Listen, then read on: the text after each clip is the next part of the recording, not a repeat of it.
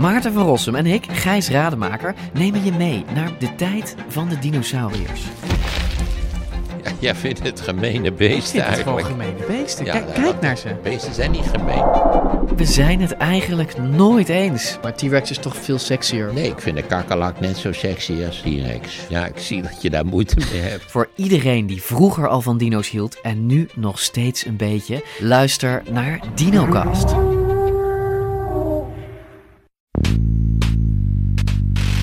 Ken de Nederlandse politiek lang genoeg om te zien wat er gebeurd is bij, eh, eh, bij de LPF. Of wat er, wat er gebeurd is na de hele grote overwinning van de, van de FVD. Ja, eh, zulke dingen wil ik natuurlijk niet, niet, niet meemaken.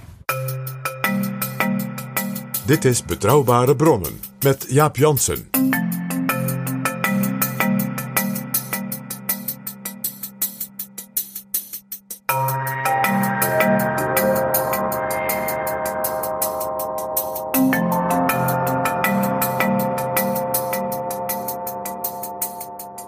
Hallo, welkom in Betrouwbare Bronnen, aflevering 372.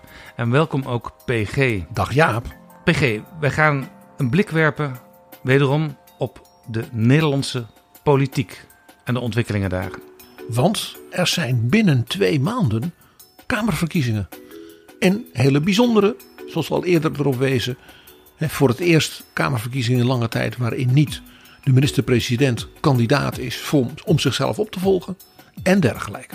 Extra spannend dus, want bij alle recente voorbeelden die ik ken van partijen waarvan de premier vertrok, verloor die partij ook enorm bij de verkiezingen. Dat was toch vaak voor heel veel kiezers een ja, een soort moment van heroverweging. Ook van, nou hoe wil ik nu na het vertrek van deze vaak ook gewaardeerde premier. Hè, dat gold voor Lubbers, dat gold voor Kok, dat gold voor Balkenende.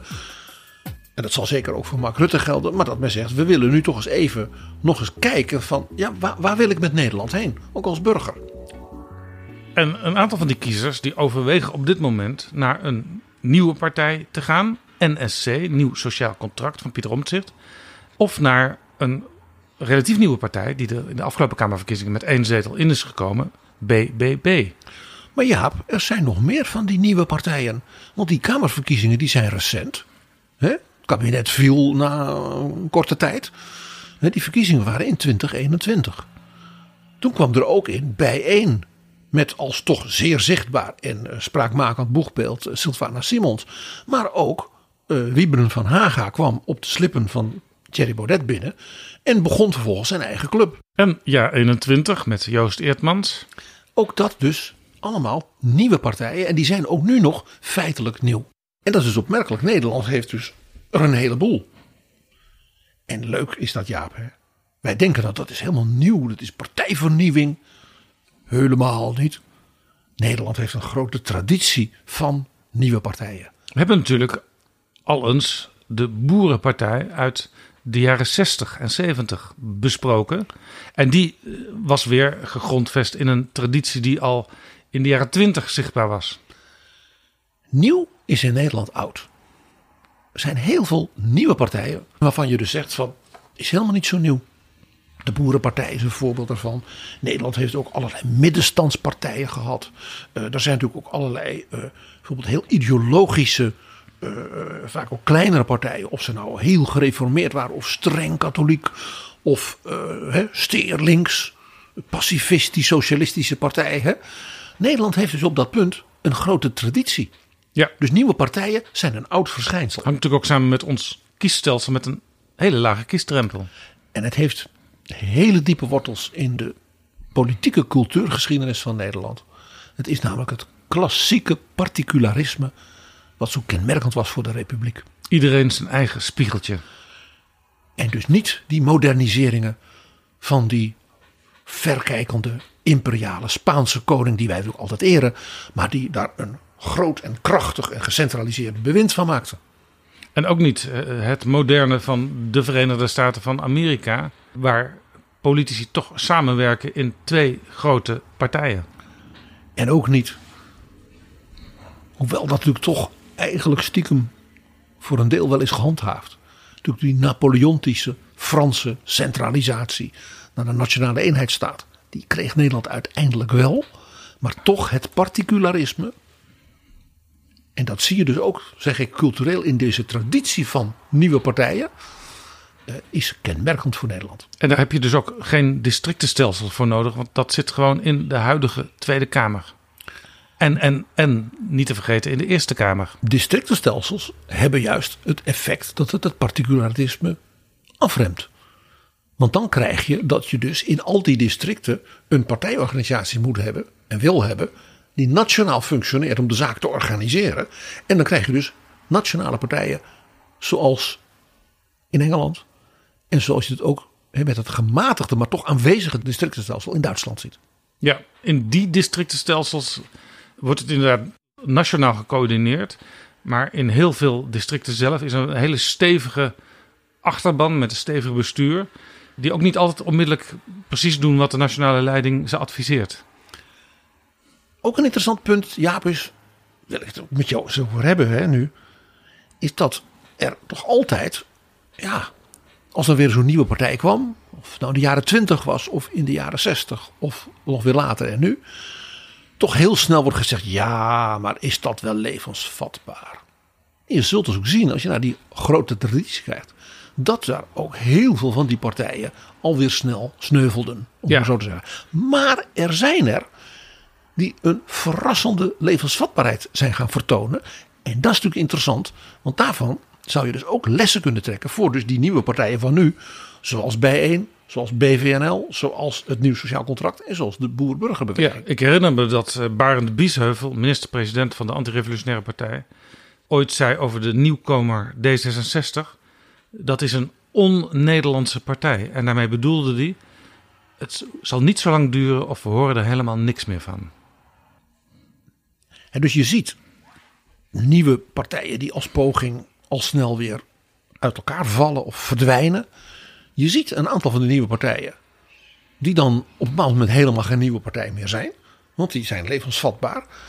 Het interessante is dat die toch altijd blijven proberen zich als iets vernieuwends te presenteren. Dat zullen, zullen we wel merken. En wat wel heel apart is natuurlijk bij toch heel vaak dat type nieuwe bewegingen, nieuwe partijen, dat ze al eigenlijk vanaf hun oprichting, hè, vanaf dag nul, een soort ingebouwd suïcidale neigingen hebben. Iets wat mij altijd uitermate fascineert. Als je dus iets nieuw wil beginnen, dat er als het ware een soort zelfdestructie ingebouwd zit. PK, ik zie heel veel draadjes waar we zo samen aan kunnen gaan trekken. Maar eerst, zijn er nog nieuwe vrienden van de show? Ja, die zijn er. Daarom een bijzonder woord van dank aan de nieuwe vriend Franke Jan. Welkom als vriend van de show. En er zijn ook nog losse donaties binnengekomen, PG. Van Jan en van Ramon. Heel veel dank. Wil jij ons ook steunen? Ga dan naar vriendvandeshow.nl slash bb. Dit is Betrouwbare Bronnen. Jaap Jansen en Pieter Gerrit Kroeger duiken in de politieke geschiedenis. PG, ik memoreerde het al. In de jaren 20 was er al een golf van nieuwe partijen in Nederland. 100 jaar geleden dus. Ja, want dat had ook te maken met die grote revolutionaire verandering. Met dank aan het kabinet Kort van der Linden. Die laatste liberale premier voor Mark Rutte. Met de nieuwe grondwet en de nieuwe kieswet. Waarin dus het algemeen mannenkiesrecht en daarna heel snel het algemeen kiesrecht voor mannen en vrouwen werd doorgevoerd. En dat leidde ertoe dat allerlei bewegingen in de samenleving zeiden: ja, die politieke groeperingen zeg maar, van de 19e eeuw met dat districtenstelsel van toen. Ja, dat is voorbij. Want dat was natuurlijk PG voor een groot deel een ja, elitaire bedoeling. Dat waren mensen uit de hogere klasse die hun afgevaardigden in de Tweede Kamer kozen. En ja, dat waren vaak dezelfden die dan weer terugkeerden. Ja, door dat hele beperkte kiesrecht, al was het in de loop van de 19e eeuw wel wat uitgebreid, het was toch nog heel beperkt. In combinatie dus met een districtenstelsel, kreeg je dus heel sterke binnen districten campagnes met een relatief, ja, een ons kent ons verkiezing. Eh, ik heb het geloof ik al eens verteld, hè. Eh, Johan Rudolf Thorbecke, die was afgevaardigd van de stad Maastricht. En voerde daar niet eens campagne. Hij kwam helemaal niet omdat hij wist dat hij daar van het liberale en de katholieke zeg maar, bovenlaag enorme steun genoot. Omwille van zijn opvattingen en natuurlijk zijn kritische opvattingen richting het wat meer zeg maar, protestante conservatisme in Nederland. Ja, Dat was natuurlijk in, ja, met die nieuwe wet en een nieuwe kieswet was dat natuurlijk over. Want je kreeg nu een nationale verkiezing en moest je dus ook nationale lijsten gaan ontwikkelen. Daar kwam natuurlijk bij dat er dus ook een hele grote groep in de bevolking nu stemrecht kreeg. Mannen en alle vrouwen. Ja dus mensen die, die niet per definitie tot de elite behoorden, want eh, eh, het volk mocht nu mee gaan doen. En ook mensen die misschien verspreid over het land waren, eh, waarvan de stemmen bij elkaar konden worden opgeteld. En dus kamerzetels betekenden. Ja, want in die districten was het natuurlijk zo dat als daar een soort vaste meerderheid was, die altijd zo'n district won, zoals je dat in Engeland ook hebt met hè, safe seats voor de Tories en de Labour, dat had je dus in Nederland ook. Nu ineens werd het dus voor iedereen, los van die districten, de moeite waard om te gaan stemmen op de partij, de lijst die jouw overtuiging deelt. Ja, en dus kreeg je in de jaren twintig ook boerenpartijen, middenstandspartijen. En wat je dus zag, dat was zeer interessant. Er waren dus twee ontwikkelingen tegelijkertijd. Zeg maar meteen bij de invoering van het algemeen kiesrecht. Dat was dat de zeer machtige liberale stroming van Thorbecke en zijn jongere opvolgers daarna. Dat die dus volledig in elkaar stortte. Want er was dus nooit een soort nationaal-liberale partij geweest. Zoals bijvoorbeeld wel in Duitsland. Maar ja, daar had je dan ook algemeen kiesrecht. Hè, dankzij Bismarck in 1871. Maar in Nederland niet. Dus er was geen nationale liberale partij. Die was ook niet georganiseerd. Dus je kreeg allemaal lijsten. Zoals de Economische Partij. De Middenstanderspartij. En die trokken dus ja, stemmen van zeg maar, liberaal gezinde kiezers van buiten de elite. Maar ja, die elite was natuurlijk maar een heel klein percentage. En die hadden dus niet een eigen partij. Dus wat je zag, dat die eerste Tweede Kamer van nou ja, 1918, 1920, 1922, 23 zal ik maar zeggen. Dat dus de liberalen daarvan, nou ja, van de 100 zetels die men daarvoor had. Ik zeg maar, hadden ze er 70, dan bleven er als het ware nauwelijks 6 over. Dat was dus een revolutionaire ontwikkeling. Dus die liberale, kleine liberale groepjes, die zijn toen zeg maar, aangemoedigd door de oude elite toch maar bij elkaar gekropen. Men heeft als het ware dan toch maar een soort nationale liberale partijen Ja, gemaakt. natuurlijk ook vaak van ouderwetse liberalen is dat ze eigenlijk van geen vereniging lid willen zijn. Absoluut. Er speelde er ook nog een soort, ja, soort klassieke gedachte uit de 19e eeuw. Dat een parlementariër daar zat vanuit zijn eigen, ja, zeg maar wat paternalistische. Ik ga het goede doen voor het volk en voor het land. En dat doe ik dus namens mijn district. En ik heb geen banden met anderen, want partijen zijn iets vies. Dat heeft ook in Nederland heel lang eh, gespeeld. Zoals dat overigens ook in de Verenigde Staten. In de eerste zeg maar 30 jaar van de republiek. Dus ook beïnvloed door Washington. Die ook heel erg tegen partijen was. Ja, en ook heel erg het idee. En als het u niet bevalt, dan stemt u maar bij de volgende verkiezingen maar weg. Ja. Wat dan meestal niet gebeurde. Vanwege het districtenstelsel. Dus er ontstond in Nederland toen toch een soort liberale stroming. Maar dat was echt een behoorlijk gemarginaliseerd, dus electoraal. Eh, en die bestond ook nog uit twee soorten liberalen. Waarvan je denkt, dat klinkt modern. Want dat was een wat meer eh, bestuurlijk conservatief soort liberalen. Ja, En de meer vrijzinnige ja je zou ook kunnen zeggen, die eerste groep, meer een belangenliberale stroming. Ja, maar ook En die tweede meer uh, die Gedanken sind vrij eh, stroming. Ja, de, eh, de vrijzinnige democraten, wat dus in Duitsland, dat was duidelijk hun inspiratie, de Freizin-beweging heette, die dus ook zeg maar, veel kritischer stond bijvoorbeeld tegenover het autoritaire, conservatieve bewind van Bismarck. Terwijl de nationaal-liberalen in Duitsland eigenlijk wat mopperig Bismarck toch altijd wel steunden. Ja, die vooral hechten aan stabiliteit in het land. Ja. Want dat is ook goed voor de handel. En goed voor de economie. En de, de gewone man moet zijn plek kennen. Ja. En eh, de overheid moet ook nog een beetje zorgen voor veiligheid. En dat is het dan wel.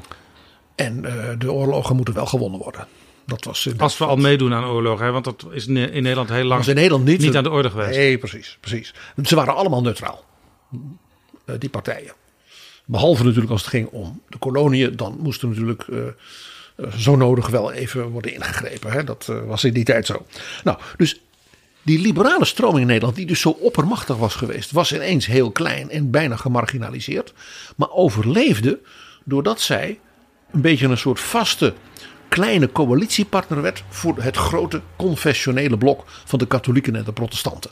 Leverde vaak ook de minister van Financiën. En daardoor bleven ze politiek als het ware toch nog een beetje relevant. De andere kant is natuurlijk, we hebben het er al eerder over gehad, die hele serie boerenpartijen, ook andere kleine partijen. Hè, zo ontstond dus ook de, wat we nu de SGP kennen, is ook zo ontstaan. Ja, vaak maar één zetel. Vaak maar één zetel. Eh, De communisten, die ook op die manier eh, functioneerden. Je had dus ook in die Tweede Kamer van toen opvallend veel, dus één, twee zetelclubjes. Ja, je had, je had eh, verschillende radicaal-socialistische partijen. die vaak ook gekoppeld wa- waren aan zeg maar, een eh, rode brandhaard in het land. Wijze van spreken Noordoost-Groningen. Amsterdam. Precies, de, de havenarbeiders. En, en die hadden hun eigen afgevaardigden in de Tweede Kamer. Hou daarbij in de gaten dat dit natuurlijk na die Eerste Wereldoorlog ook de tijd was dat men, velen, zaten te wachten op de wereldrevolutie komt. Hè, van Lenin. Dus we hoeven ook niet eh, zo heel erg veel haast te maken met eh, een grote nationale partij. Want het, het komt er vanzelf al aan. En dan had je een soort Bij wijze van voorhoede. spreken omgekeerd van wat de liberalen daarvoor eh, redeneerden. Van we hebben, we hebben de macht, dus wat zouden we ons druk maken? Ja. Nee, je had dus een soort voorhoedepartij. Dat was ook de Len- Leninistische gedachte. Die door Stalin werd overgenomen. Van je hebt een club nodig die is de voorhoede van de revolutie en van de arbeiders. En die versnelt als het ware. Door, door geweld. Dat was de gedachte bij Stalin. Als ware de komst van het communisme. Door namelijk die, in die tussenfase. De bourgeois en dan de so- socialistische bewind. Als je daar nou gewoon de mensen die daarvoor zouden moeten zijn. Zoals de burgerij en de boeren. Als je die nou al- allemaal elimineert. Dan kun je als het ware versneld de, het paradijs doorvoeren. En dus dat was een beetje de gedachte, ook achter de communistische partijen in West-Europa. Ja. De sociaal-democratische partijen, hè, die waren dus reformistisch, zoals dat heette. Die hadden dat dus afgezworen. Dus die moesten juist proberen groot te worden en veel te besturen. Ja, als je het hebt over nieuwe partijen, PG, dan had je in de jaren 30 natuurlijk de opkomst van de antipartij, de Nationaal Socialistische Beweging. Die is in dit verband ongelooflijk interessant. Nog los van wat je er allemaal van het nationaal socialisme en het fascisme vindt. Ik kijk er even naar als politiek verschijnsel. De NSB heeft het eigenlijk helemaal nooit erg goed gedaan, politiek in Nederland. Nee, de grootste score was bij de provinciale statenverkiezingen. En dat is natuurlijk herkenbaar. Ook in deze tijd. Namelijk dat kiezers bij de statenverkiezingen er nog wel eens de kans pakken. Want ach, zo belangrijk is het niet. Natuurlijk wel hartstikke belangrijk, maar men geeft niet zoveel om de provincie. Dat is nu eenmaal de tragiek natuurlijk van de Napoleontische Ja, nationale dus je- eenheidsstaat. Je kunt een gokje wagen, eh, wordt er dan gezegd. En dat doet men dan. Dus die NSB was nieuw, die was lawaaierig, die was, had een soort jeugdige uitstraling ook. En had nog een grote mond en optochten en zo. Dus er waren heel veel mensen die zeiden in die diepe ook crisisjaren, dat moet je natuurlijk ook beseffen. Het gaat maar niet over. Ja. We blijven voortdurend ja, beknibbelen. En de werkloosheid wil maar niet Ja. echt dalen. Echt een signaal naar Den Haag zou je kunnen zeggen. Van bijvoorbeeld mensen die in armoede waren verzeild geraakt. En die dachten, ja, er zijn allerlei alternatieve ideeën, maar waarom wordt daar niks mee gedaan? Ja, en wat wel interessant is, is dat als je kijkt bijvoorbeeld naar waar zaten nou de kiezers van de NSB in Nederland. Als je de kaart legt op waar in de jaren twintig die boeren- en middenstandspartijen sterk waren. Dat is bijna één op één. Bijvoorbeeld heel sterk was waarbij de, in, de, in de Achterhoek. Wat ook altijd heel opmerkelijk is, en dat zie je zelfs, eh, ik zeg niet dat het hetzelfde is. Maar bijvoorbeeld West-Brabant was ook toen dus opvallend eh, eh, rechts. Had dat, En niet, zoals ook de PVV. Ja, had dat- dus in Rukven Precies. en dat soort dingen. Dat is heel opmerkelijk. had hoe- dat niet ook te maken met ehm, het feit dat als je naar de gemeenteraden keek in de katholieke gebieden, dan zaten er ook allemaal eenlingen in, of mensen die met een paar mensen een fractie vormden. Ja, heel Ehm, belangrijk punt Jaap. Hier, Maar dat stond dus helemaal los eigenlijk van het beeld wat eh, vervolgens nationaal vanuit die gebieden gebeurde. is een heel belangrijk punt wat je hier aanstipt. Dat in de verhalen over de verzuiling. Niet alleen in die jaren, jaren 20, jaren 30, maar ook in de naoorlogse jaren. altijd wordt vergeten. Is dat dus in die streken waar bijvoorbeeld de Partij van de Arbeid. de Katholieke Volkspartij. eh, ook nog wel de ARP. de gereformeerde streken. behoorlijk dominant was. Dat in het lokaal bestuur. De KVP helemaal geen fractie had in de gemeenteraad Nee. van Sint-Oederode, noem maar wat, of, of van, hè, van Assen en Stijn. Maar dat was gewoon eh, de plaatselijke notaris. Ja. En bijvoorbeeld een onderwijzer en een boerenleider. En die, dat waren dan lijsten op de naam Lijst, van zo'n puntje, persoon. puntje. Of ik herinner mezelf nog de, de plaatselijke werknemerspartij. Was ook gewoon een katholieke club. En heel vaak dus ook middenstandspartijen. Die dan dus lokaal met elkaar bestuurden.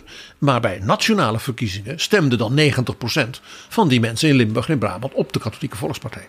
Of de Rooms-Katholieke staatspartij voor de oorlog. En daarin, dus, dus de NSB appelleerde dus in die streken sterk aan het, ik zal maar zeggen, dus de niet religieus of eh, zeg maar, godsdienstig sociaal georganiseerde kiezer. Dus het heel opvallend is natuurlijk geweest eh, bij dat type partij was dat men dus heel duidelijk nadrukkelijk seculier was. Ook omdat men natuurlijk met een andere ideologie kwam. En men kwam met een heel nieuw eh, fascistisch, dus eh, ideologisch, Ja. eh, nationalistisch eh, en later ook dus heel sterk raciaal Ja, gekleurd nou ja, was ook voor een voordeel was het weer geënt, zeg maar, in de boekjes op het heidendom van het, zeg maar, het voorchristelijke heidendom. dat, dat speelde dus ook nog een rol. Op een hele rare manier bij het Italiaanse fascisme. Door de verering van het oude Rome. Bewust pre-christelijk daardoor. Ja, maar ook bijvoorbeeld in, En het Germaanse natuurlijk Ja, bij, bij ja. de in plaats van oud en nieuw het Joelfeest, waar je Oh, ja. het nieuwe begroet. Oh ja, maar daar, daar kunnen we een hele aparte aflevering een keer doen over die merkwaardige zijn poging tot heel artificiële culturalisering van die politieke ideologie. Maar dat is een ander, ander onderwerp. Even nog terug naar de NSB. Die deed het dus behoorlijk goed bij die statenverkiezingen. Nou, toen was dus het idee, wij zijn dus de partij van de toekomst. Hè? Het volk wil ons. En toen kwamen de Kamerverkiezingen en toen, dat was eigenlijk een flop. Een paar zeteltjes, maar dat was volkomen gemarginaliseerd. Ja. En toen kwam natuurlijk mei 1940. En ja, toen dacht natuurlijk de NSB. Ja, Nederland wordt bevrijd. Hè? ja, nu kunnen wij het overnemen, want wij zijn de bevriende partij. Ja, wij zijn Nederland. Hè, zoals de Führer hè, is natuurlijk Duitsland. Eh, maar Anton Mussert en de NSB is Nederland. Zoals meneer Quisling in Noorwegen Noorwegen was. Viel dat even tegen. Want een van de meest opvallende dingen natuurlijk van dus het, in zekere zin het bewijs dat de NSB dus eigenlijk een totale mislukking is geweest als nieuwe partij, is natuurlijk wat de bezetter met de NSB deed. Ja, er is een schaarse foto van uh, Mussert die bij Adolf Hitler op bezoek is. En dat is omdat Hitler in 1942 gewoon troepen nodig had. Want ja, de grote overwinning op Stalin was net niet helemaal gelukt voor de poorten van Moskou. En Leningrad was niet gevallen. En ja, toen moest er dus nog een keer een offensief komen. En eigenlijk had Duitsland militair de oorlog toen eigenlijk al bijna verloren. Ja, maar Hitler had dus blijkbaar toen wel even belang bij om uh, Mussert aan de borst te drukken en dat ook zichtbaar te maken. En hem dus te beloven dat na de Endziek, en dan moesten dus de Germaanse jongens uit Nederland natuurlijk ook strijden tegen de Bolsjewisme, want dat was dus de ware reden. Dan zou de NSB en Mussert natuurlijk, die zouden dan hè, voor Nederland de Führer zijn. Ja, het is eigenlijk hetzelfde verhaal wat de, de Vlaamse nationalisten hoorden. Althans, dat ze, ze verstonden. Ik weet niet wat ze hoorden, maar ze verstonden dat als ze hun best zouden doen, ook met hun zonen aan het oostfront, dan werd Vlaanderen een onafhankelijke staat binnen het Germaanse Europa. De werkelijkheid was natuurlijk bitter. De naties waren volstrekt niet geïnteresseerd in Vlaanderen. Er was ook niet, zoals in Nederland, een civiel bestuur. In Nederland hadden we een civiel bestuur onder leiding van de Rijkscommissaris Seyss-Inquart. Ja. Dat was omdat de naties zeiden, na die endziek die we gaan Nederland is net als Denemarken en Noorwegen. Dat is het soort land dat nou ja, stamverwant is, hè, raciaal, Germaans. Dus die moet je als het ware niet militair onderdrukken. Frankrijk, Noord-Frankrijk, hè, wat niet Vichy was, werd militair bestuurd en ook België. Ja, dus en waarom de- was dat, Jaap? Omdat men volstrekt niet geïnteresseerd was in Vlaanderen en in het Vlaams nationalisme. Ze waren in, in iets heel anders geïnteresseerd. In Wallonië. Ja, dus de fabrieken. De kolenmijnen, de staal. Zoals ze dat natuurlijk ook van Lotharingen deden. Ja. En ook van Limburg. Goed, en zou- Saarland. Kijk, dat hele gebied. Als je op de kaart van Europa kijkt, dan zie je dat is één groot industrieel mijnbouw- en staalgebied Ja, in feite het, het, het, het grote Rijnland zou je kunnen zeggen. En dan had je nog het Roergebied Ja. hè, met die grote concentratie. En dat was natuurlijk voor de oorlogsindustrie Ja. cruciaal. Vlaanderen was natuurlijk wel belangrijk met de haven van Antwerpen en, en de Schelde. Eh, maar jij zegt dus eigenlijk dat de katholieke Oostenrijker Sijs Inkwart het toch dominant protestante Nederland moest gaan eh, leiden omdat het eh, stamverwant was. Ja. Toen hij er eenmaal was, merkte hij twee dingen. Eén, dat die NSB helemaal niets voorstelde. Dat je daar ook niet op kon bouwen in de zin van dan heb je een soort nationaal-socialistische organisatie die als dat bestuur kan overnemen. Onthoud, Sijs Inkwart was de chef geweest van de NSDAP in Oostenrijk. Ja, ja. En die was dus een, een hele krachtige partijleider geweest. Die had zo'n organisatie. Alleen, ja, Oostenrijk was natuurlijk opgeslokt. Hè, met de Anschluss in het Groot-Duitse Rijk. Dus werd hij verplaatst om in Nederland zijn eh, capaciteiten als bestuurder in te zetten. En ja, hij zag natuurlijk onmiddellijk dat die NSB in die mussen, dat was echt een verschrikking. Nee. De enige die hij een beetje zag zitten, was Rost van Tonningen. Dat was een intelligente en krachtdadige vent. ja, en die kreeg het juist weer aan de stok intern in de NSB met mensen als eh Mussert. En nu snap je waarom. Want zij merkte dat zij Zenkwart hen als, nou niet als oud vuil behandelde. Hij bleef beleefd, maar ze kregen helemaal niks. En het tweede wat hij ontdekte was dat de wijze waarop Nederland was georganiseerd. Met die zuilaire organisaties en in feite ook dus die nieuwe krachtige partijen van de jaren twintig. Dat hij daar helemaal geen stamverwantschap mee had. Nee. Want die mensen die voelden helemaal niets voor een heidens-Germaanse toekomst. Als dus katholieke, zeggen- als katholieke partijen, als protestante partijen, als sociaaldemocraten. En je zou dus kunnen zeggen al. dat de stromingen die waren opgekomen dankzij het algemeen kiesrecht, met name eh, de katholieke stroming en de sociaal-democratische stroming, En natuurlijk de protestanten die Dat- zeer stevig waren. dat die te goed georganiseerd waren om zomaar eh, Nederland eh, door de nazi's te laten overnemen. Ja, en dat dus een gelijkschakeling, zoals dus in Duitsland was gebeurd in 1933 en 1934, in Nederland natuurlijk niet kon worden gebracht als iets wat het volk had gewild. De nazi's zeiden nog, nee, we krijgen nu een volksgemeenschap en die is één. Dat wil het volk. Ja, Ja, het Zijzenkant kon niet zeggen dat zo'n gelijkschakeling in Nederland als het ware vanuit Nederland zelf omhoog was gekomen. je kon, dus bijna, Integendeel. je kon dus bijna op je vingers natellen dat er, als dat dan ondergronds moest, toch een vorm van verzet zou ontstaan met bijvoorbeeld ook eh, illegale kranten. Ja, die, die begonnen al eh, in mei 1940. En ja, dus, dus, dus, dus, dus in die zin heeft ook het natiebewind in Nederland dus eigenlijk voortdurend moeten sjoemelen tussen. Ja, we moeten wel iets met die NSB, maar mijn hemel, die mensen kunnen helemaal Ja, niks. nou was dit- En dat men zei, kijk, als we die, eh, zeg maar die, die oude partijen, die dus in feite nieuw waren, hè, als we die volledig vernietigen, wat natuurlijk gebeurd was in Duitsland en ook in Oostenrijk. Maar dan is er van dat Nederland maatschappelijk niets meer over. Ze moesten natuurlijk Nederland ook vanwege zijn economische power het al draaiende houden voor de oorlogsindustrie. Ja, want Nederland was ook belangrijk vanwege de landbouw, die Ja, en ver ook- gevorderd was. En de financiële sector en ook de industrie. Met name de hoogwaardige industrie. Textielindustrie. Ja, en de, de, de mechanica ook hoor. En daardoor kreeg je dus die merkwaardige situatie in Nederland. Dus de oorlogsjaren in Nederland zijn bestuurlijk, politiek heel merkwaardig. Je had dus een niet-militair bewind. Dat dus de top van de Haagse ministeries als het ware liet zitten. Het land liet regeren. De partijen en vakbonden en dergelijke wel aanpakte. Maar op een bepaalde manier ook weer terugschrok om zeg maar, het maatschappelijk weefsel, economisch sociaal van Nederland te vernietigen. PG, we zijn een zijstraat ingelopen en moeten weer terug naar de hoofdstraat. De Want? hoofdstraat ging over. Nieuwe partijen. Precies. En dit verhaal is toch nodig, Jaap? Want toen dus de bezetter weg was. Ja, en de hemel zij geprezen, Nazi-Duitsland was verslagen. Kon dat weefsel wat daarvoor was, als het ware meteen weer naar boven komen. Ja, toen ging de verzuiling pas echt leven. Want die partijen, die, die zuilen, die organisaties, waren dus door de bezetter niet vernietigd. Nee. Ondanks dus dat men wel repressie en dit. Maar uiteindelijk, het verrassende is eigenlijk hoe snel de partijen, de organisaties, het maatschappelijk leven in mei 45 als daar onmiddellijk weer kon oppikken. Waarbij men natuurlijk wel het idee had, we moeten nu naar een nieuwe tijd. Dus toen was er wel een soort hè, de vernieuwingsbeweging. Die ook leidde toch tot de omvorming van nieuwe partijen. Ja, en dat was de vraag: eh, in hoeverre gebeurde dat werkelijk? Eh, want er zijn natuurlijk ook in die periode en ook in de decennia daarna steeds weer nieuwe partijen opgericht. Maar dat is, zoals ik al zei, dat typisch Nederlandse particularisme. Het is oude traditie dat je voortdurend nieuw bent. Het klinkt raar, maar het is toch echt zo, ja.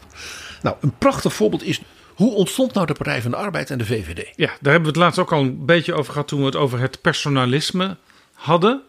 De ideologie eh, van eh, de lijst van Pieter Omtzigt, NSC. Dat komt uit de katholieke sfeer, maar ook uit de kringen van, de- oprichters van de Partij van de Arbeid. Dat zat namelijk in die vernieuwingsbeweging die ook, waar ook koningin Wilhelmina zo van die, allemaal van die mystieke gedachten bij had. Dat wat mystiekerige, roomsige mystiekerige zal ik maar zeggen. Dat ook bij een nieuw sociaal contract dus heel erg de doordesemt. Daar zitten dus heel veel, zeg maar, koningin Wilhelmina in de oorlogsjaren en de jaren daarna van. Ja, We gaan iets helemaal nieuw bestuur met allemaal nieuwe mensen en eh, niet meer die oude partijen. Dat uitte zich in een hele nieuwe club, de, namelijk de Nationale Volksbeweging. Die was dus bedoeld als een soort nieuwe nationale volksbeweging, hè, dat, zat- dat zat ook in de naam. Die eigenlijk zeg maar, van de 100 kamerzetels die er dan weer zouden zijn, bij wijze van 75 daarvan zou hebben. vanwege het idee ook, eh, we gaan het helemaal opnieuw doen en het land moet weder opgebouwd worden. Alle krachten moeten verenigd samenwerken.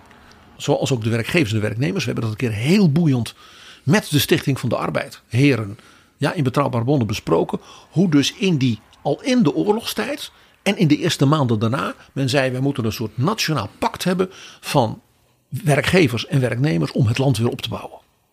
Het interessante was dat dus al heel snel duidelijk werd. Laat ik zeggen, dit was allemaal erg mystiek en goed bedoeld, maar het had geen samenhang. En zo ontstond eigenlijk uit die vernieuwingsbeweging de Partij van de Arbeid. Ja, want het was natuurlijk ook raar als je alles wil samenbrengen, dan is dat een soort vrijwillige gelijkschakeling, terwijl je daar nou juist jarenlang onder gezucht had. Ja, d- er zit iets heel merkwaardigs in dat toch wat antidemocratische, mystiekerige wat in die beweging zat. Dat was natuurlijk ook te maken dat men tegenover dat nationaal socialisme met zijn messiaanse pretenties ja, iets wilde hebben om zich aan vast te houden. Waar je de mensen elkaar vast konden houden. Een soort geloof in nou ja, de, de- dat er nog een toekomst voor Nederland is. Alle begrip dat er ook mensen in zo'n strafkamp, daar in, in Sint-Michielsgestel, met elkaar in discussie was Ja. en vooral iets samen wilde En je hebben. denkt natuurlijk ook als je met z'n allen in die belabberde omstandigheden zit, zo groot zijn de verschillen uiteindelijk tussen ons toch ook weer niet. Zeker als je denkt aan is er nog een toekomst. Precies. Die vernieuwingsbeweging, die mislukte eigenlijk. Want die had niet genoeg samenhang, Jaap. Dus zeg maar, de progressieve delen daarvan, die hadden genoeg gezamenlijkheid.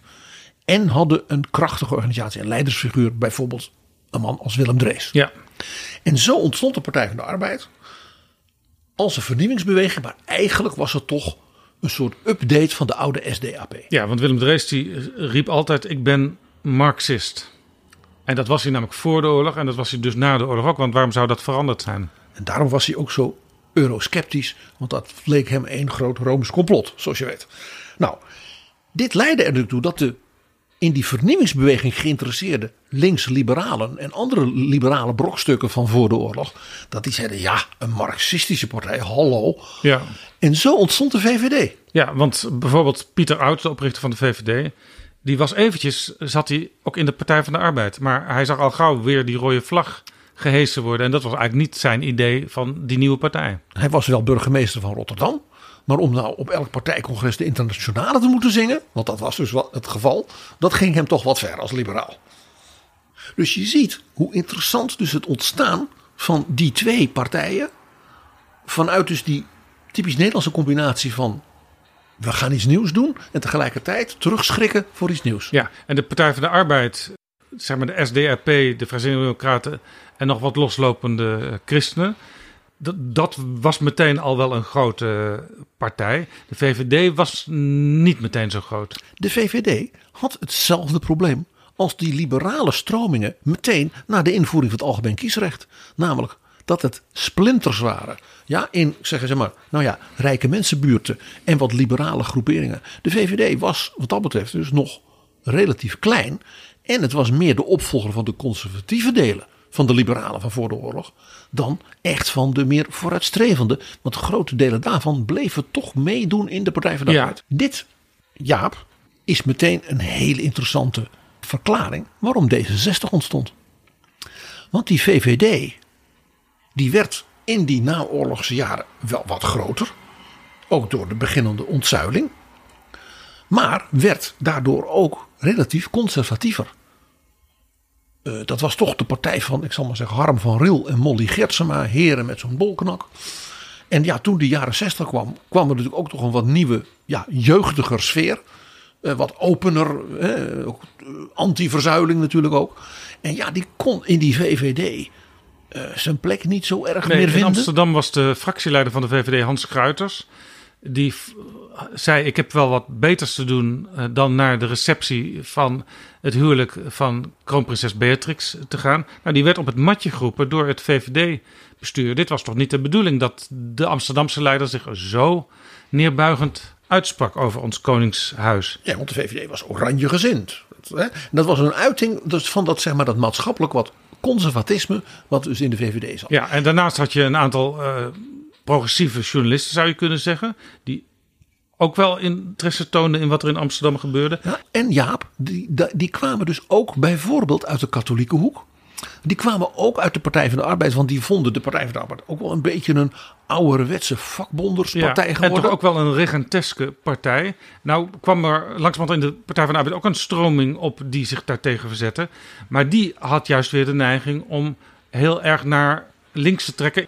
Dus dat wilden die progressieve liberalen in de Partij van de Arbeid ook niet. Nee, dus wat kreeg je nou? Je kreeg dus, net als in dus de jaren twintig, een soort nieuwe bundeling van nou ja, vrijzinnige democraten. Dus ze waren liberaal, maar ze waren vooral ook seculier. Ze vonden die verzuiling eh, stoffig, hè, inclusief dus de rode zuil en de blauwe zuil van de liberalen. En zo ontstond er eigenlijk een soort antipartij. En die had natuurlijk een charismatische eh, Amsterdamse leider en dat was Hans van Weer. Ja, hij, hij zei zelfs: het systeem zoals dat nu functioneert, dat moet ontploffen. En daar willen wij aan bijdragen. Hij wilde een nieuwe bestuurscultuur. En het interessante is dat het is Van Mierlo geweest als partijleider. Die in feite vrij snel na die succesvolle start. dat D66 een hele interessante andere kant op liet gaan. Nou, we hebben daar met het prachtige boek van Hubert Smeets over Van Mierlo uitgebreid over gehad. Ja. Dus dan moet je daar maar naar luisteren. Ik stip even aan. Hij maakte D66 ineens een partij die koos voor een soort linkse meerderheidscoalitie. Om daarmee dus de verzuiling te bestrijden, want dat bleef er toch wel in zitten. En daardoor werd het nooit echt een, ik zal maar zeggen, klassieke partij met een krachtig programma, een ideologie. En D66 werd eigenlijk meer en meer een soort cultureel sociaal milieu. Ja. Van mensen met, ja, die ongeveer hetzelfde dachten, maar vaak niet heel politiek. Nee, je zou kunnen zeggen dat ze, dat ze zich misschien een beetje als een soort loodsbootje eh, verhielden tot die grote sociaal-democratische moloch. Dus het, het verloor een beetje dat anti-partij karakter en werd meer een soort sociaal milieu. Van al die grote vernieuwingsdrang in die tijd van we moeten af van die verzuiling is natuurlijk grappig genoeg één heel nieuwe partij ontstaan die echt een doorbraak leverde. Hè, D66 was natuurlijk een interessant verschijnsel, maar was geen doorbraak. Ja, je bedoelt het CDA, wat eh, een samenstelling is van eh, drie confessionele partijen, zoals dat toen heette, die eh, langzamerhand kleiner werden bij verkiezingen. En die zeiden, wij gaan over onze tegenstellingen heen stappen en wij vormen een nieuwe partij. En daar mochten toen ook meteen mensen lid van worden die nog niet in een van die oude partijen lid waren geweest. Ja, die zwoeren in zekere zin de, hij zegt, het zuilair confessionele verleden een beetje af. Zo van dat is nu toch, toch voorbij. Heeft heel veel goede dingen voor Nederland gedaan, maar de tijd is veranderd. Ja. En men werd dus een christendemocratische partij. Dat was tot dat moment in Nederland was er dus in zekere zin geen christendemocratische partij geweest. Zoals zeg maar, elders in Europa. Die, Ja. hadden, die Nederlandse partijen hadden een andere geschiedenis. Ja, het werd geboren uit noodzaak, dat CDA.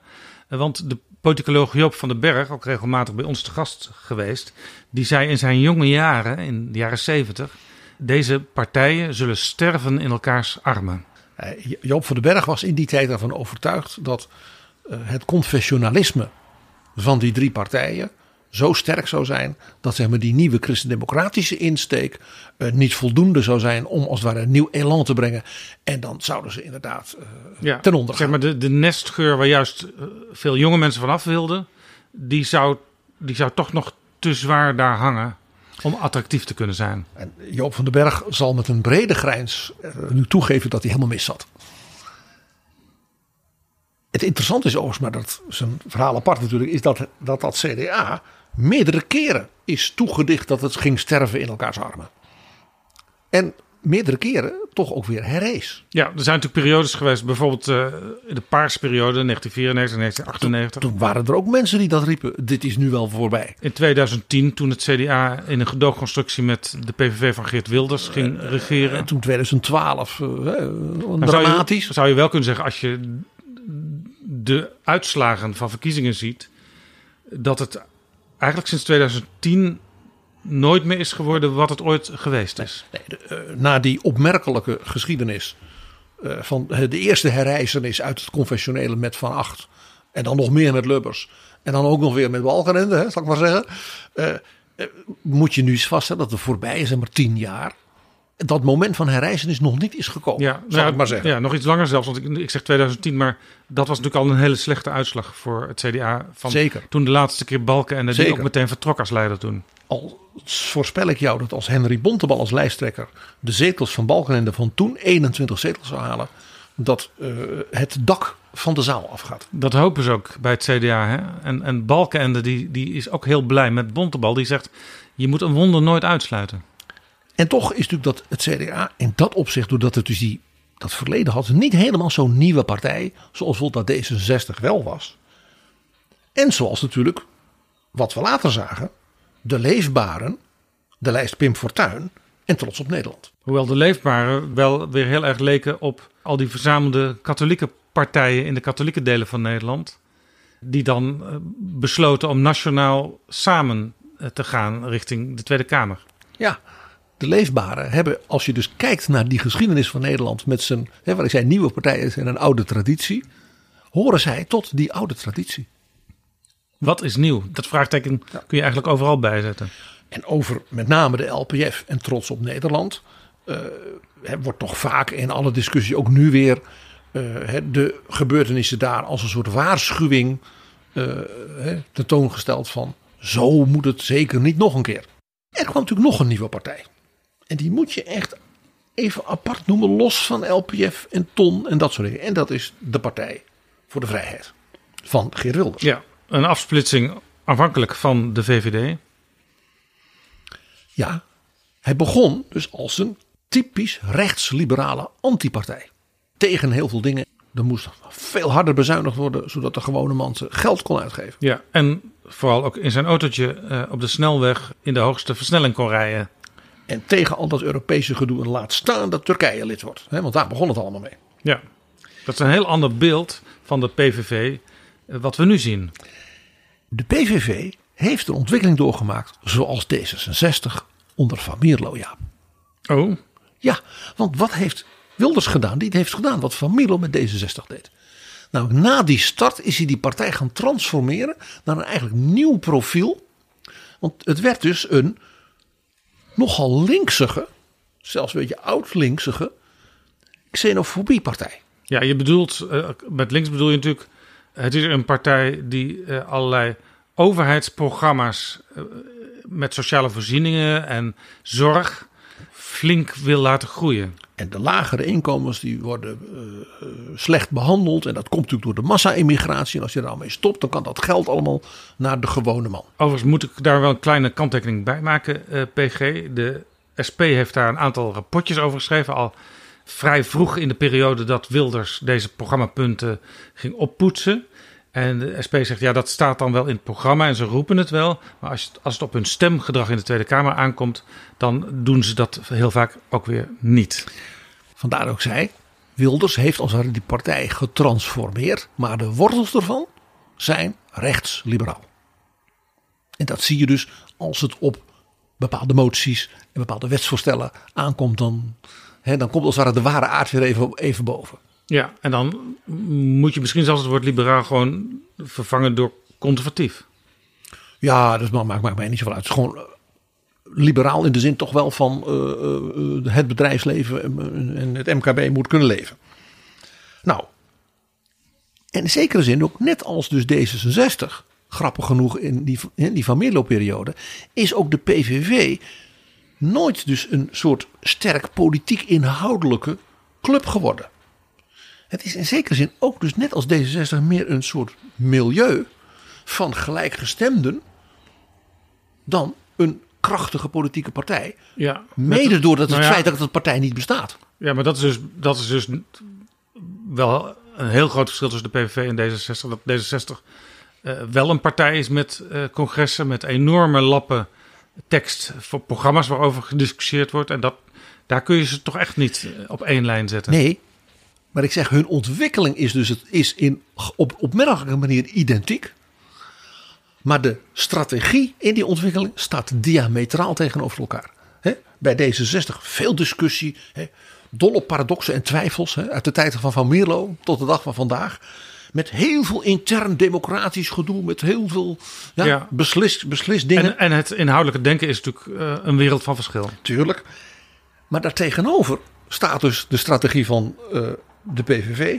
Namelijk een interne ja, dictatuur. Met een volstrekt inhoudelijk monopolisme. Er is maar één iemand die zegt het en dat is het. Ja, zelfs de NSB, waar we het net over hadden, die hadden nog wel een soort van statuten, die heb ik een keer gelezen, met een bestuur en allerlei eh, ja, democratisch lijkende onderdelen. Maar er stond dan wel één zinnetje in die statuten. Der Führer had immer recht. Daar komt het op neer. eh, bij oneenigheid beslist de leider. En dat betekent dus dat ook nooit oneenigheid kon ontstaan. Want er kwam dus altijd een voorstel van de leider via de partijsecretaris. En daar had iedereen het mee eens te zijn. En daarin is Geert Wilders dus veel schaamtelozer. Want hij zegt gewoon, al die flauwkul, dat doen we allemaal niet. Ik ben de baas. nog een diametraal verschil tussen D66 en de PVV. Hoewel ze dus op elkaar lijken, wat ik toch wel een interessant ja, gedachte-experiment vind. Is dat dus de PVV wel bewust afziet van het hebben van bestuurlijke macht. Om op die manier over het maatschappelijk debat macht te kunnen uitoefenen. D66 doet precies het omgekeerde. Dat zegt wij voeren heel veel debat. Maar willen dan wel meedoen. We willen van daaruit wel heel pragmatisch toch bijdragen aan bestuurlijke activiteiten. Ja, Dus daarin staan ze diametraal tegenover elkaar. En daarom is de ontwikkeling nu bij sommigen de gedachte dat de PVV als het ware zou gaan willen meedoen. Dat zou dus toe leiden, Jaap, dat de PVV ineens toch weer meer wil gaan lijken zelf op dat vermalendijde D66. Namelijk, we willen wel meedoen. Ja, tot nu toe was de PVV wat ze in Vlaanderen noemen een zweeppartij. Namelijk Prachtige de term. zweep op de andere rechtse partijen om meer te doen zoals wij het willen, maar we doen het niet zelf. En wat de Vlamingen zo prachtig noemen, een voertpartij. Dat betekent van, ik geef gewoon een scheldkanonade via mijn eh, stembiljet. En verder weet ik ook wel dat het nergens toe leidt. PG, ik moet je even iets vertellen. Het is oktober, maar nog steeds prachtig weer dat heel geschikt is voor Bamigo. Ja, van de panda's. Bamigo van de bamboe boxershorts, polo's. Ze hebben zelfs tegenwoordig ook schoenen, PG.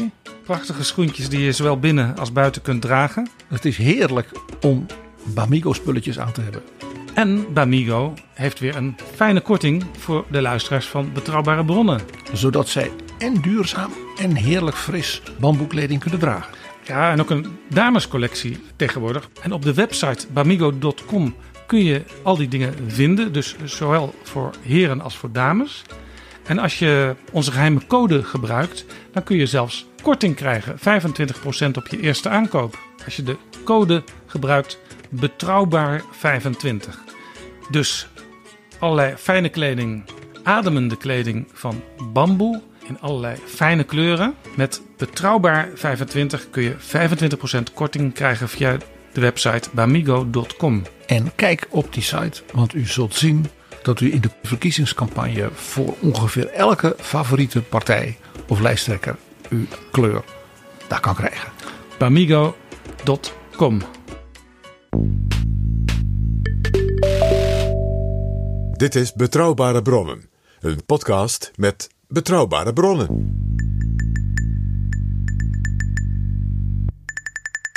PG, uit eh, jouw interessante verhaal over die cultuur van nieuwe partijen en wanneer die zijn ontstaan en waarom ze ontstonden en wat er gebeurde, En dat nieuw dus eigenlijk oud is. kun je misschien ook wel lessen trekken voor nu, laten we zeggen, uit die 100 jaar geschiedenis die je zojuist eventjes voor ons eh, samenvatten en kruiden met eh, interessante anekdotes. Kun je misschien ook wel lessen trekken voor de nieuwe en nieuwere partijen, zoals we die nu weer op het stembiljet zien verschijnen.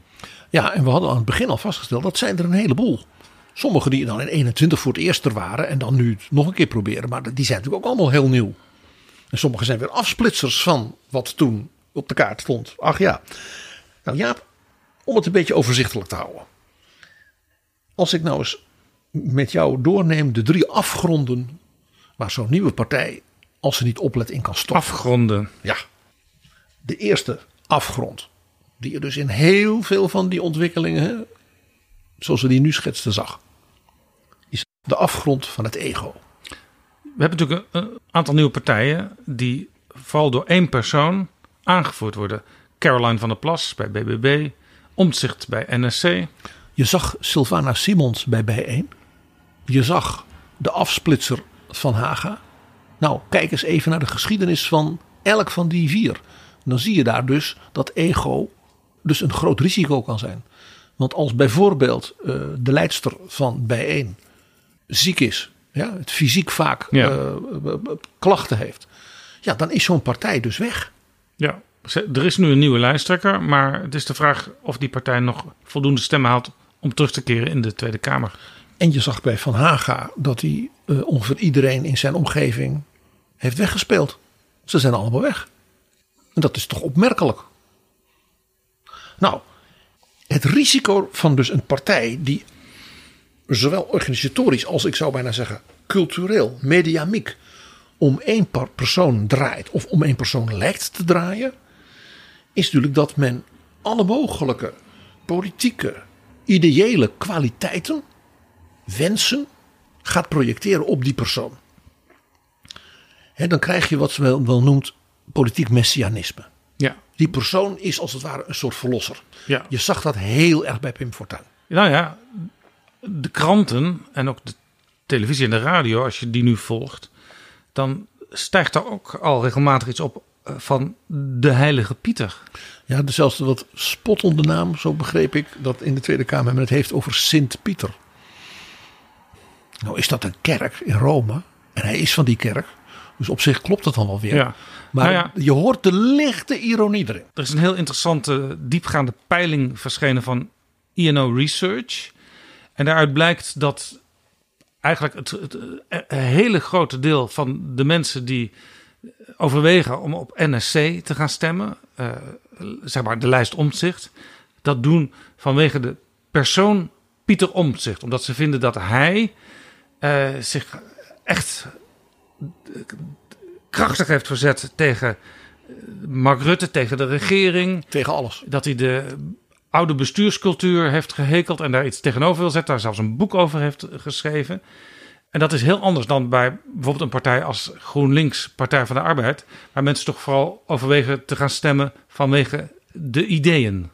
Ja, een van de interessantste dingen vind ik uit dat onderzoek is dus dat bijvoorbeeld de persoon van Frans Timmermans voor die kiezers een gewaardeerd aspect is, maar ook niet meer dan dat.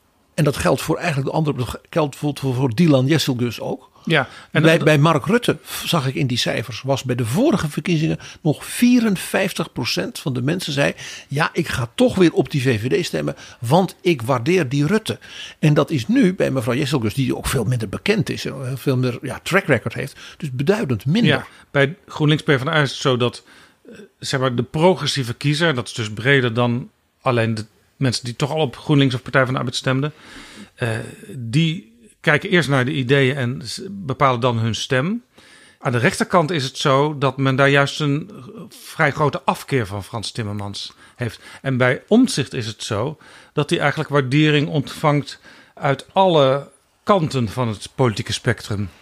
Waardoor dus zijn partij dus ook het lastig heeft dat als ze concrete ideeën zou gaan brengen vanuit zeg maar, de politieke ideologie of opvattingen van Omtzigt en zijn mensen, dat ze dan heel veel mensen gaan afstoten die namelijk allemaal projecteerden allemaal op Omtzigt, allemaal opvattingen die zij zelf hadden, maar die hij dus niet had. Ja, er komt pas een verkiezingsprogramma rond 1 november, kort voor de verkiezingen dus. Er is nu een lijst met mensen daarop. En langzamerhand worden die mensen natuurlijk ook geïnterviewd. En er komen ook dingen uit het verleden naar voren. En dan wordt er al wat meer duidelijk over wie zijn dat dan. En misschien ook wel dat ze ook lang niet altijd op één lijn zitten. En misschien zelfs wel tegenover elkaar zouden kunnen komen te staan.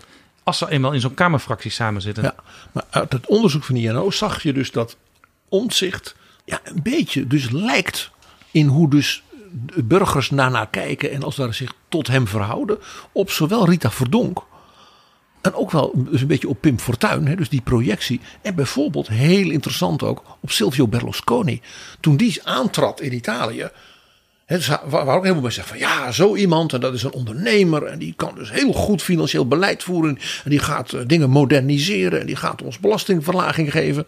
Dat was al, en hij liet zich dat natuurlijk wel gevallen. Ja. Al die projecties. Ja, ja Maar deed het niet. die partijen die stelden zich daarmee ook tegenover de oude establishment partijen die het altijd voor het zeggen had gehad, die eh, om en om of soms samen hadden ge- geregeerd. Ja. En bij, Berlusconi hebben we het natuurlijk over gehad. Die was natuurlijk als het het nieuwe gezicht van een modern Italië. Tegen de totaal ingestorte corrupte partijen. Die daarvoor eh, natuurlijk het land al die ja, decennia hadden geregeerd. Het interessante is eigenlijk dat D66 had natuurlijk met de figuur van Mierlo ook zo iemand. Maar D66 is als het ware aan het noodlot van de instorting van zo'n partij. met de ondergang van Van Mierlo zelf. natuurlijk gered door de plotselinge opkomst van Jan Terlouw. Ja, Jan Terlouw die al in Utrecht actief was en naar de Kamer kwam toen zag met een aantal van zijn fractiegenoten dat Van Mierlo ja, te dicht aanschurkte tegen de Partij van de Arbeid en daar wel eens zelf het slachtoffer van zou kunnen worden als partij. Eh, die heeft toen de leiding overgenomen en eh, eh, toch weer een, een heel ander soort partij van gemaakt.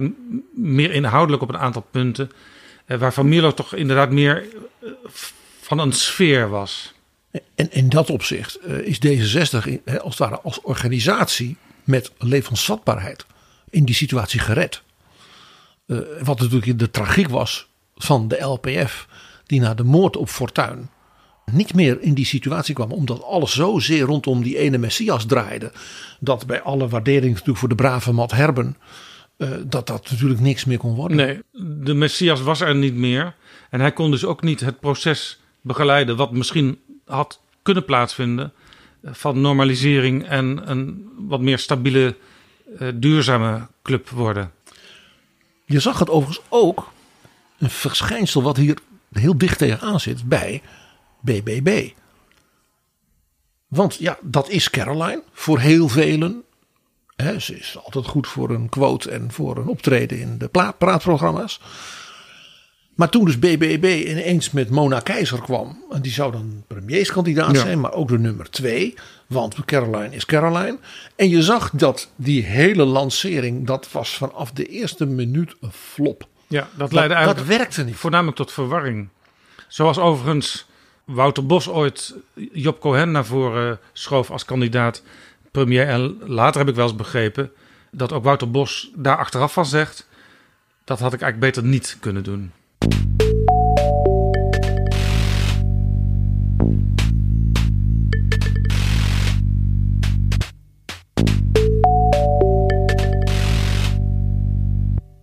Dus afgrond 1 voor een nieuwe partij is het ego van de figuur die de partij zichtbaar maakt. Dat was de eerste BG, maar, je zei er zijn drie afgronden waar je in kunt tuimelen.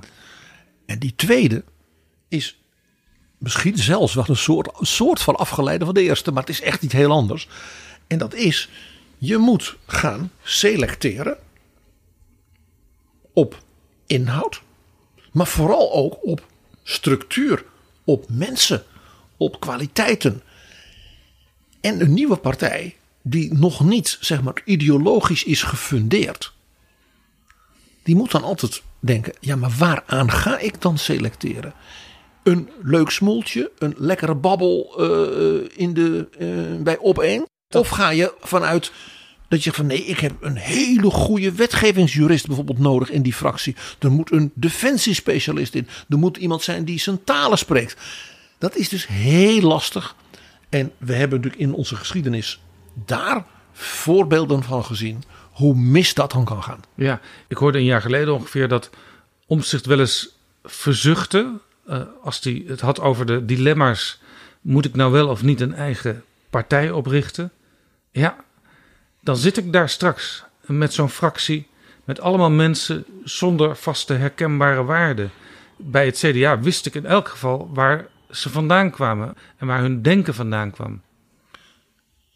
En dat zie je eigenlijk bij elke soort nieuwe partij die dus niet zeg maar, van die funderingen heeft gebeuren. Je ziet het nu ook bij BBB. Men heeft daarvan gezegd: nee, we hebben dat heel goed gedaan. Uh, nou, al meteen in Groningen, ongeveer bij het aantreden na provinciale staten, moest er al iemand weg, want die had de meest merkwaardige dingen. Nou, er was een gedeputeerde die moest enorme excuses maken voor dingen die hij in social media had geroepen, want het was allemaal niet zo kwaad bedoeld. Nu in Flevoland is er iemand die is nu drie maanden gedeputeerde. Die zit al ziek thuis, omdat iedereen zegt die man kan helemaal ja, niets. Terwijl ze zeggen bij BBB, we hebben een enorme selectieprocedure gehad. We hebben heel veel gesprekken gevoerd. Maar toch lijkt het een beetje op eh, de LPF, wat in feite een, een ratje toe was van uh, mensen die zich hadden gemeld, mensen die vrijwilligerswerk kwamen doen, enkele vrienden van Pim en enkele vrienden daar weer van. Matt Herben zegt altijd: het gevaarlijkste voor een nieuwe partij zijn de vrijwilligers. Want die melden zich, die willen van alles doen en die zijn enthousiast. En dan willen ze beloond worden met een functie. Matt Herben was zelf ook een vrijwilliger aanvankelijk? Hij heeft het ook vooral over zichzelf, denk ik. Nee, maar je zag het dus ook bij BBB. Niet dus alleen in die provincies waar dus van alles nu al een beetje begint te gisten. Maar ook nationaal. Los nog even van de lancering van de premierskandidaat. Ineens waren er Kamerleden van andere partijen. Die zeiden, oh ik wil wel. En die konden er zo bij. En dat waren Kamerleden van partijen met, je zou toch denken, compleet andere ideologische en politieke fundamenten. Ja. Maar nee hoor, kon zo. En dan, ja, dan zeg je, hier begint dus dat, hè, wat ik noem dat selectie- en screeningsprobleem. Dat je eigenlijk niet weet waar je aan moet selecteren. En dan krijg je dus toevalligheden. Mensen met een grote mond, die graag wel willen. Waarbij je je moet afvragen, ja, maar hebben die wel zowel de inhoudelijke als de misschien zelfs wel persoonsgebonden kwaliteiten voor een serieus uh, politiek en parlementair werk. Hetzelfde zag je ook bij Forum. Henk Otten was de man die al dat werk allemaal deed. Die, die tot de dag van vandaag roept hij, maar ik had toch hele goede mensen. Maar ja, als je dan de lijst ziet van de afsplitsingen. En het weglopen en het überhaupt nooit meer opkomen dagen. Van mensen van Forum, bijvoorbeeld in al die provinciale staten. En kijk eens naar de puinhoop Ja. die het in de Eerste Kamer was. Hij heeft zelf natuurlijk voor een groot deel die lijst voor de Eerste Kamer destijds samengesteld. Maar toen hij zelf eruit stapte, toen gingen er toch maar weinig met hem mee. En dat wat overbleef, viel ook weer vervolgens uit elkaar. Nou, hier zie je dus vaak ook wel tragische uh, situaties. Dat mensen met heel veel, misschien wel enthousiasme en misschien is wel motivatie, ja, op zo'n plek komen en in een, ja, in een soort duiventil terechtkomen. En tegelijkertijd als Daniel in de leeuwenkuil uh, voortdurend bang moeten zijn dat ze door iemand worden opgevreten. Ja, ja. Maar je hebt natuurlijk ook mensen die, die uh, even een snuffelstage komen doen om te kijken, is dit wat voor mij? Oh, je bedoelt mevrouw Hertzberger? Rosanne Hertzberger, de nummer 17 van de lijst NSC. Ik ben overigens benieuwd of ook NSC een snuffelstage heeft gedaan bij mevrouw Hertzberger. Want die heeft zich natuurlijk op allerlei manieren geuit. Want dat was een beetje haar eh, vak hè, als columnist. Ja, ze heeft eh, duizend columns geschreven. Ja, en ze was eh, meteen bij de inval in Oekraïne riep ze er moest gewoon een wapenstilstand komen. En die Europese leiders zoals Rutte die leven eh, Zelensky roepen, die, die zei dat zijn oorlogshitsers. Hallo. Nou, zo zijn er nog wel een paar dingen. Ik geloof iets, ze was, ze was erg voor, wat was het ook alweer? Oh, je moest medische experimenten kunnen doen op oudere mensen. Als ze dat vrijwillig dan deden, dan kon je daarmee de wetenschap vooruit helpen. Ja, tegelijkertijd is ze tegen verruiming van de euthanasiewetgeving. Ze heeft zich ook heel erg gemanifesteerd in de coronaperiode. Ja, ze was een grote aanhanger van Maurice de Hond in het begin. Nou, interessant. Maar zij heeft in juni, dus nog niet zo lang geleden, een weekje meegelopen bij Pieter Omtzigt. En blijkbaar is dat voldoende om dan te besluiten dat iemand de politieke kwaliteiten heeft om het land te gaan helpen besturen. Opmerkelijk. Nou ja, er was een, eh, een dame uit de rechterlijke macht die heel hoog eh, op de lijst van eh, het nieuw sociaal contract zou komen, namelijk op plaats 2. En die schrok verschrikkelijk van deze gedachte. Want eh, ze had eh, op de zaterdag eh, van een soort kennismakingsbijeenkomst met mogelijke kandidaten voor het eerst met omzicht een fijn gesprek gevoerd. Om te, de volgende dag te horen dat ze op twee zou komen. Toen heeft ze gepleit om dan maar op drie te komen. Maar ja, dat toont dus aan hoe kwetsbaar als het ware de teamvorming en dus ook de ideeënbasis is van zo'n nieuwe partij. Ja. Zelfs als het misschien hele goede mensen zijn die men verzamelt. ja, want het idee van Omtzigt is, ik heb eh, eigenlijk op alle beleidsterreinen heb ik een specialist uit dat vak neergezet. En dat is een hele interessante, mag ik het zeggen, wat naïeve gedachte. Dat doe je als je bijvoorbeeld mensen zoekt voor de leiding van een ministerie. Dan zegt ik wil een hele goede kenner die alles weet, bijvoorbeeld als ziekenhuisdirecteur. Laat die zijn een regeringscommissie zitten en dan kan hij daarna wel DG worden.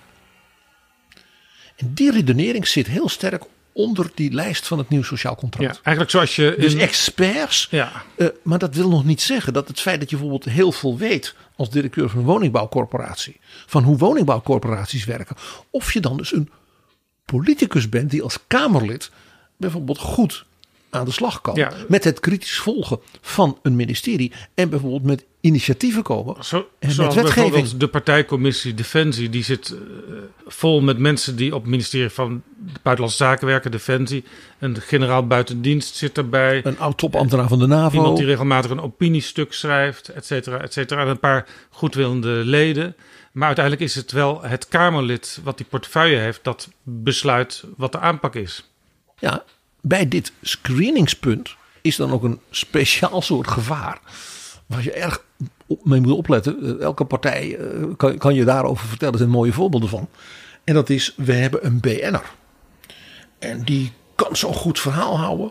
En die is vaak in de media. Dus die trekt dan mensen. Ik noem maar Theo Hiddema. Dat was natuurlijk een bekend gezicht. En was een, nou mag ik het woord zeggen, kleurrijke persoon. Qua aankleding, qua gesprek, qua achtergrond. Maar dat betekent natuurlijk niet dat zo iemand een goed politicus is. Laat ik een ander voorbeeld noemen. Dat is natuurlijk Ronald Plasterk. Hè, die was columnist in Buitenhof, in de Volkskrant. En die hield vaak mooie verhalen. Ja, en die en was de- heel actief tegen Europa in het Europese referendum. En toen werd hij minister gemaakt en daarna Kamerlid. En ja, nou ja, we weten wat er met hem gebeurd is in de loop der jaren.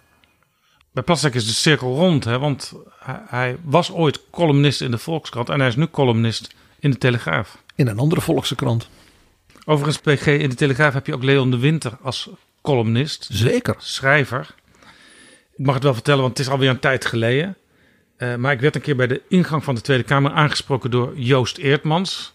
Die toen vooral in Rotterdam actief was. En natuurlijk in het verleden voor de LPF in de Kamer had gezeten, twee perioden.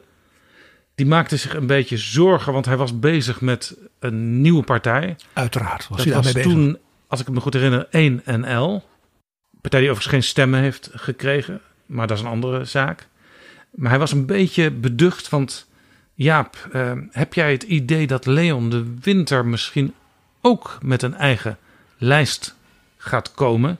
Ik hoor daar geruchten over. Nou had ik daar eigenlijk helemaal niks over gehoord. Maar het tekent wel dat ze in die hoek toch ook heel erg naar elkaar loeren. En zeker naar iemand die uh, zeker standing heeft als columnist en bekendheid als schrijver. Ja, als die plotseling ook gaat meedoen, dan kan het hele speelveld wel weer eens veranderen. En we hadden natuurlijk onlangs nog het bericht eh, van Katrien Keil, de oud talkshow-presentatrice, dat ze ook gevraagd was eh, voor een lijst. Als bekende Nederlander. En laat ik nog één voorbeeld van zo'n bekend gezicht, columnist, die op zo'n lijst kwam. En dat is Zinni Usdil. Dat liep ook niet goed af. Nou is er natuurlijk één voorbeeld, Jaap, van een partij die op dit punt nooit een probleem heeft. Namelijk een partij die geen screening kent. De partij die zelfs geen regel in de statuten nodig, nodig heeft. Bij oneenigheid beslist de leider. Want uh, de leider, leider, is de partij. Staat buiten kijf. Ja. Is het ook het enige lid. Ja, bij hem, geldt, bij hem geldt in zekere zin die, dat beroemde lied uit de DDR. Die partij had immer echt. En zelfs in deze partij gebeurt af en toe iets waarvan je denkt: hé, hey, er zit toch leven achter de brede rug van die leider. Ik vind de onmin en de teleurstelling, laat ik het maar zo zeggen, van Harm Beertema deze dagen een heel interessant signaal van het feit dus dat de PVV geen screening kent. Omdat Wilders dat gewoon zelf doet. En daarin ik zou het Belgisch zeggen, een soort dictatoriaal voluntarisme toepast. Ja, en waar ook blijkt dat er weinig massa in die partij zit. Want hij grijpt altijd weer terug uit uh, mensen die al in de Eerste Kamer zitten of hebben gezeten. In het Europees Parlement. De gemeenteraad van Den Haag. In een paar staten. Ja. En die vaak ook dubbelfuncties hebben daarin. Ja, nou je, je ziet dus dat Beertema werd dus gewoon een zetel aangeboden voor een zoveelste Kamerperiode door Wilders. En het was zelfs dezelfde plek die hij op de vorige lijst had. Plaats 16 kreeg hij en daarmee had hij in de peiling van afgelopen week gewoon gekozen kunnen worden in de Tweede Kamer. Ja, maar het interessante is dus dat Beertema zich dus beklaagde over het feit dat hij zo ontzettend zijn best deed en zo hard werkte in de Tweede Kamer. En dat nu voor hem op die lijst allemaal mensen stonden die niks kunnen en nooit iets doen. Ja, dan zat hij dan weer straks in die nieuwe fractie allemaal tegen de achterhoofden en nekken van die mensen aan te kijken. Het kenmerk natuurlijk van de oplossing die de PVV heeft gevonden voor dat screeningsgevaar, die afgrond, is nou juist dat er geen screening is. Zodat het feit dat Beertema opnieuw plaats 16 aangeboden kreeg, ongeacht wie daarvoor of daarna stond, nou juist het kenmerk was van de partij. Dus ik vond het daarom verrassend dat Bertema daar nu ineens een probleem van maakte. En in de PVV is het meestal ook zo dat je gewoon eeuwenlang dezelfde portefeuille kunt houden. Dus daar hoef je dan ook niet over te klagen. Kortom, dat boek dat Beertema heeft aangekondigd, waarin hij alle verhalen over de BVV gaat vertellen, daar kijken wij naar uit. Ja, hoi, even een commercial break. Elke van Vriend van de Show hier. Vind je deze podcast leuk en wil je de maker steunen? Ga naar vriendvandeshow.nl en word vriend. PG, jij verlekkerde ons op drie afgronden waar je zomaar in kunt tuimelen. We zijn nu toe aan de derde. Ja, en dat is het volk Wilheld. Dat is de grote afgrond, de derde. Namelijk dat een nieuwe partij gaat geloven in zijn eigen pretentie. Dat is heel gevaarlijk. Want zo'n nieuwe partij moet natuurlijk vertellen: Nederland wil ons. Het is tijd voor een nieuw sociaal contract. Het is tijd dat de regio weer aandacht krijgt. Er is tijd voor hè, uh, bijeen, hè, dwars door alle minderheden heen. Nou, vul maar in. Prachtige pretenties. Maar als je het zelf gaat geloven. En daarmee dus het zicht op de werkelijkheid. Als nieuwe partij met alle problemen die je daarbij hebt gaat verliezen. Dan verlies je natuurlijk een soort nuchterheid. Want wat er vaak gebeurt, is dat dus zo'n nieuwe partij projecteert dat wat de mensen op die partij projecteren, vervolgens op zichzelf. En men hoort dus positieve media vibes. We zijn nu in dat radioprogramma geweest. We mochten op de televisie. En men gaat als het ware een beetje in zijn eigen voortreffelijkheid geloven. Kijk, mij eens op de televisie zijn. Gevaarlijk. Vooral als dat wordt geprojecteerd of men denkt daarbij, want dat is omdat de mensen ons willen. tel gewoon, het is gewoon kijkcijfers. Zeg ik een beetje eh, hè, ondeugend. Daar kwam natuurlijk nog bij, bij, bij bijvoorbeeld bij de LPF, dat men dat gevoel van Nederland wil ons, dat werd natuurlijk nog verhevigd door de dood van Pim Fortuyn. Ja, Dus dat kreeg een soort tragische eh, kant. Tot de dag van vandaag zijn er mensen zoals Joost Eertmans. die maar niet kunnen stoppen te praten over Pim en hoe erg ja, het was. Het is bijna, hij is voor ons gestorven. Ja, ze komen er eigenlijk nooit meer overheen. Want die projectie, wat ik wat noem die messiaanse projectie. daar gingen ze zelf in geloven. En toen gebeurde dat. Maar het is vaker gebeurd in Nederland. Bijvoorbeeld, we hebben in 1994 in de Tweede Kamer een enorm succes gehad met de Kamerverkiezingen van de ouderenpartijen. Dat was echt een succes in de zin van de, eh, de ouderen met een klein pensioentje. Daar wordt niet naar omgekeken. Eh, die zijn maatschappelijk afgeschreven. Eh, die kunnen toch heel veel in de samenleving. Die willen er weer bij horen. Ja, dat waren twee partijen. Maar dat waren er uiteindelijk veel meer, omdat ze uiteenvielen in diverse fracties. En dat verschijnsel zagen we en zien we natuurlijk ook in 50 plus. En dat komt omdat ook daar men, als het ware, in zijn eigen verhaal ging geloven. Ja, 50 plus wat afgelopen weekend helemaal is geïmplodeerd. Ja, men heeft zelfs de politie erbij moeten halen om een kandidaat lijsttrekker de zaal uit te laten verwijderen. Ja, Ik zou haast zeggen, ik ben benieuwd naar de paragraaf justitie en veiligheid van hun verkiezingsprogramma. als dat er nog komt. Als dat er nog komt. Maar Jaap, je zag het bij de algemene beschouwingen. Bijvoorbeeld bij zowel BBB als Nieuw Sociaal Contract. Door het met, met het gevoel heeft, ja, men wil ons. En als die andere partijen iets gaan doen met een minimumloon, dan doen wij dat ook. En daar was duidelijk helemaal niet over nagedacht. En dat was ja, een financieel, maar vooral ook politiek parlementaire, complete sof. En daar zag je dus, men had gewoon iets van die nuchterheid van wat kan wel, wat kan niet verloren. Want men had eigenlijk helemaal geen argumenten. En eh, ja, dat werd, dat werd gewoon heel pijnlijk. Ja. En toen kreeg je dus die, die, die, wat valsige, maar wel terechte termen. Hier wordt gratis bier beloofd. Ja, het was een beetje we too. eh, wat stond zelfs letterlijk in de motie van BBB en NSC dat het minimumloon enigszins omhoog moest. Waar anderen dus heel concreet zeiden het moet naar 16 euro of naar 18 euro. Of het moet 10% omhoog of eh, what- whatever. Nou, dat, dat geeft dus aan dat partijen als BBB en het nieuw sociaal contract juist hier dus een fors risico lopen. Als men als het ware eh, de projecties van we zijn zo gewild zelf gaat geloven voor het zover is. Dus het enthousiasme van de reacties bewijst dat we gelijk hebben. Want dat zag je bijvoorbeeld in de, de, de- reactie van mevrouw van der Plas in dat debat. Maar ook de reactie van Omtzigt, die beide dus wat beledigd reageerden. Toen zij dus kritische vragen kregen naar, ja maar hoe zit dat nou in elkaar, dat voorstel van u? Ja, PG, ik vertelde straks dat Omtzigt er wel een beetje zat tegen aan te lange tijd. Van moet ik nou een eigen partij oprichten? Want dan zit ik met mensen in een fractie eh, ja, die niet dezelfde afkomst hebben qua waarde. Er werd wel gedacht lange tijd. Omtzigt verzamelde natuurlijk allemaal, net als hij, ex-CDA'ers om zich heen. Dus het wordt een soort tweede CDA met duidelijk herkenbare CDA'ers. Ja, als ik naar die lijst kijk, dan valt mij op dat het er zo weinig zijn. Eh, ik denk in dit opzicht dus beduidend anders dan nogal wat kranten Ja, die nou vrij makkelijk overschreven. eh, Ja. Allemaal CDA. je CDA werd eerste- leeggegeten zelfs. Als je de eerste zes, zes kijkt, dan zijn er vijf wel afkomstig uit het CDA. Ja, maar dat zijn. En dat geldt ook voor de rest van die lijst. Als ik kijk naar die CDA'ers. Dat zijn allemaal mensen die hun politieke loopbaan actief in het CDA hebben gehad. Ja, die bijvoorbeeld al verdwenen waren uit de Tweede Kamer waar ze een tijdje ingezeten hebben. Of oud-wethouder zijn geweest. Er zit een melkveehouder uit de Drenthe. Die was fractievoorzitter in de Staten. Maar is een oudere heer. Die is al lang uit de politiek. De, eigenlijk de enige andere politiek actieve CDA op die hele lijst. Naast dan de heer Omtzigt. Maar die staat heel laag. Dat is Diederik Boomsma uit Amsterdam. Ja, gemeenteraadslid. Ja, dus mij viel dus vooral op dat het er niet zo heel veel zijn. Dat het ja, eh, mensen zeg maar, met vooral een politiek verleden waren.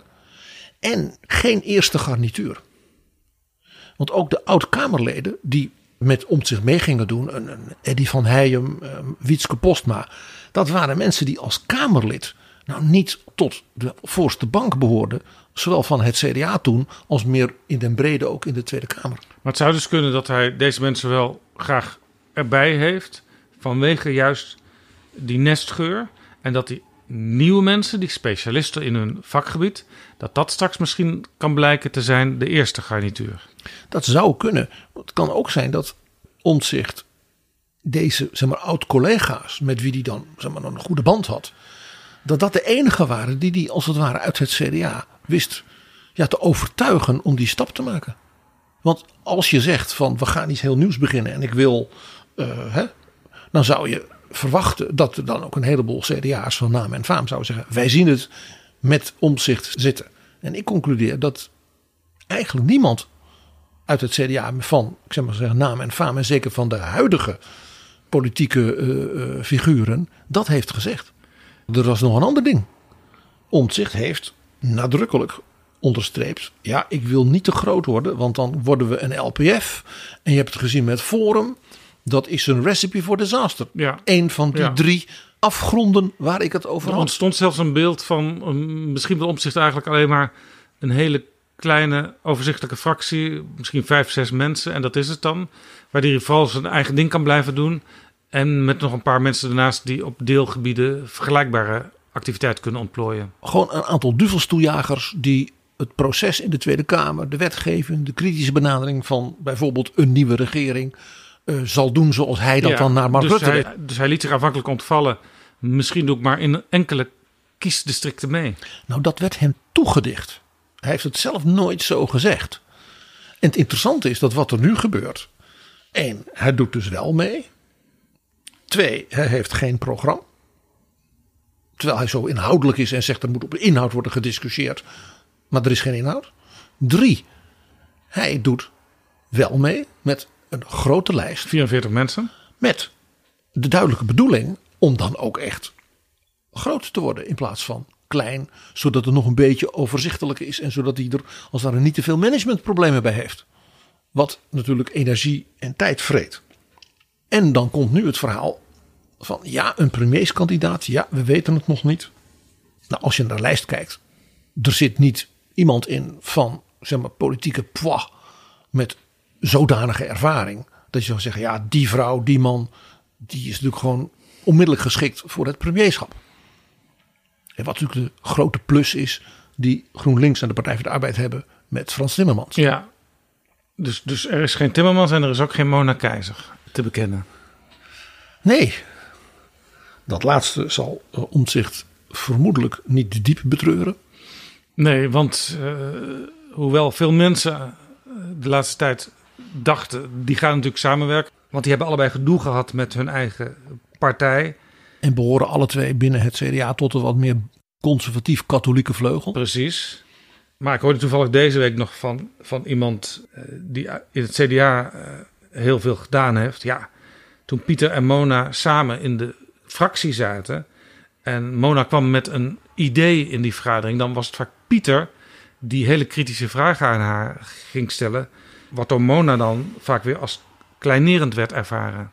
Weet jij nog dat Omtzigt zich ineens meldde vlak voordat de termijn afliep als potentieel leider van het CDA? Ja, want Hugo de Jonge had zich gekandideerd. Mona Keizer had zich gemeld. En toen zei Omtzigt... Ja, als dit het niveau is waaruit wij kunnen kiezen... Dan doe ik het liever zelf. Dan voel ik mij verplicht mij ook te kandideren. Want dan doe ik het inderdaad liever zelf. En dat leidde ertoe dat natuurlijk de kandidatuur van Mona Keizer een vernedering werd. Want ze had geloof ik net 10% van de stemmen. Dus mijn conclusie hieruit, ja, is dat ook het verhaal over ja, premier, ja, ja, ja, nou ik weet het niet hoor. Uh, dat Omtzigt het zo heeft gepland dat hij niet lang voor de verkiezingsdatum meldt dat hij het toch maar zelf gaat doen. Dat blijkt ook een beetje uit wat Omtzigt deze week zelf daarover zei. En dan komt toch die ene vraag, ja, wie is dan de premierskandidaat? Ja, die hebben we vandaag nog niet. U bent dat niet? We hebben vandaag geen premierskandidaat en uh, die vraag die zullen op een later moment ongetwijfeld een keer weer aan de orde komen. Uh, ik ben al blij dat het gelukt is om eerst een partij op te richten. En ja, met deze lijst heb ik er gewoon vertrouwen in. Dit was Pieter Omtzigt. Maar PG, dan blijkt dus nu eigenlijk dat alles wat Omtzigt tot nu toe heeft gezegd over wat hij van plan was, of de suggestie die hij daarover gewekt heeft, in het tegendeel komt te verkeren. Ja, het nieuw sociaal contract heeft in de contractbepalingen al door precies het omgekeerde wat in het contract had moeten worden gesloten, zou je kunnen zeggen. Nee, ik zeg, dit is een beetje te ondeugend geformuleerd. Ik noem dit punt omdat dit echt te maken heeft dus met die derde afgrond voor nieuwe partijen. Namelijk de gedachte dat je toch eigenlijk zelf gaat geloven dat wat mensen die van alles op jou projecteren suggereren. En zoals ik al zei, dat is heel gevaarlijk. Samenvattend, heb je een nieuwe partij? Pas op voor de afgrond. Voor de afgrond van het ego, de afgrond van de screening en de afgrond dat je zelf gaat geloven wat je beweert. Dankjewel, PG.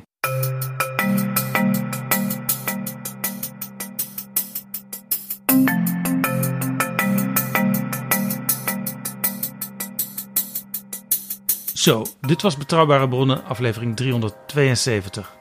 Deze aflevering is mede mogelijk gemaakt door de vrienden van de show. Wil jij ons ook steunen met een donatie? Ga dan naar vriendvandeshow.nl slash bb. U bent zeer welkom als vriend. Tot volgende keer. U was tot nu toe de partij, nieuw sociaal contract. Maar nu moet u het ook een beetje uit handen geven. Ja. Vindt u dat moeilijk? Ja, een klein beetje wel. Waarom vindt u dat moeilijk? ja, ik ben natuurlijk uh, gewend geraakt de afgelopen twee jaar om alles in mijn eentje te doen. Betrouwbare bronnen wordt gemaakt door Jaap Jansen in samenwerking met dag en nacht.nl.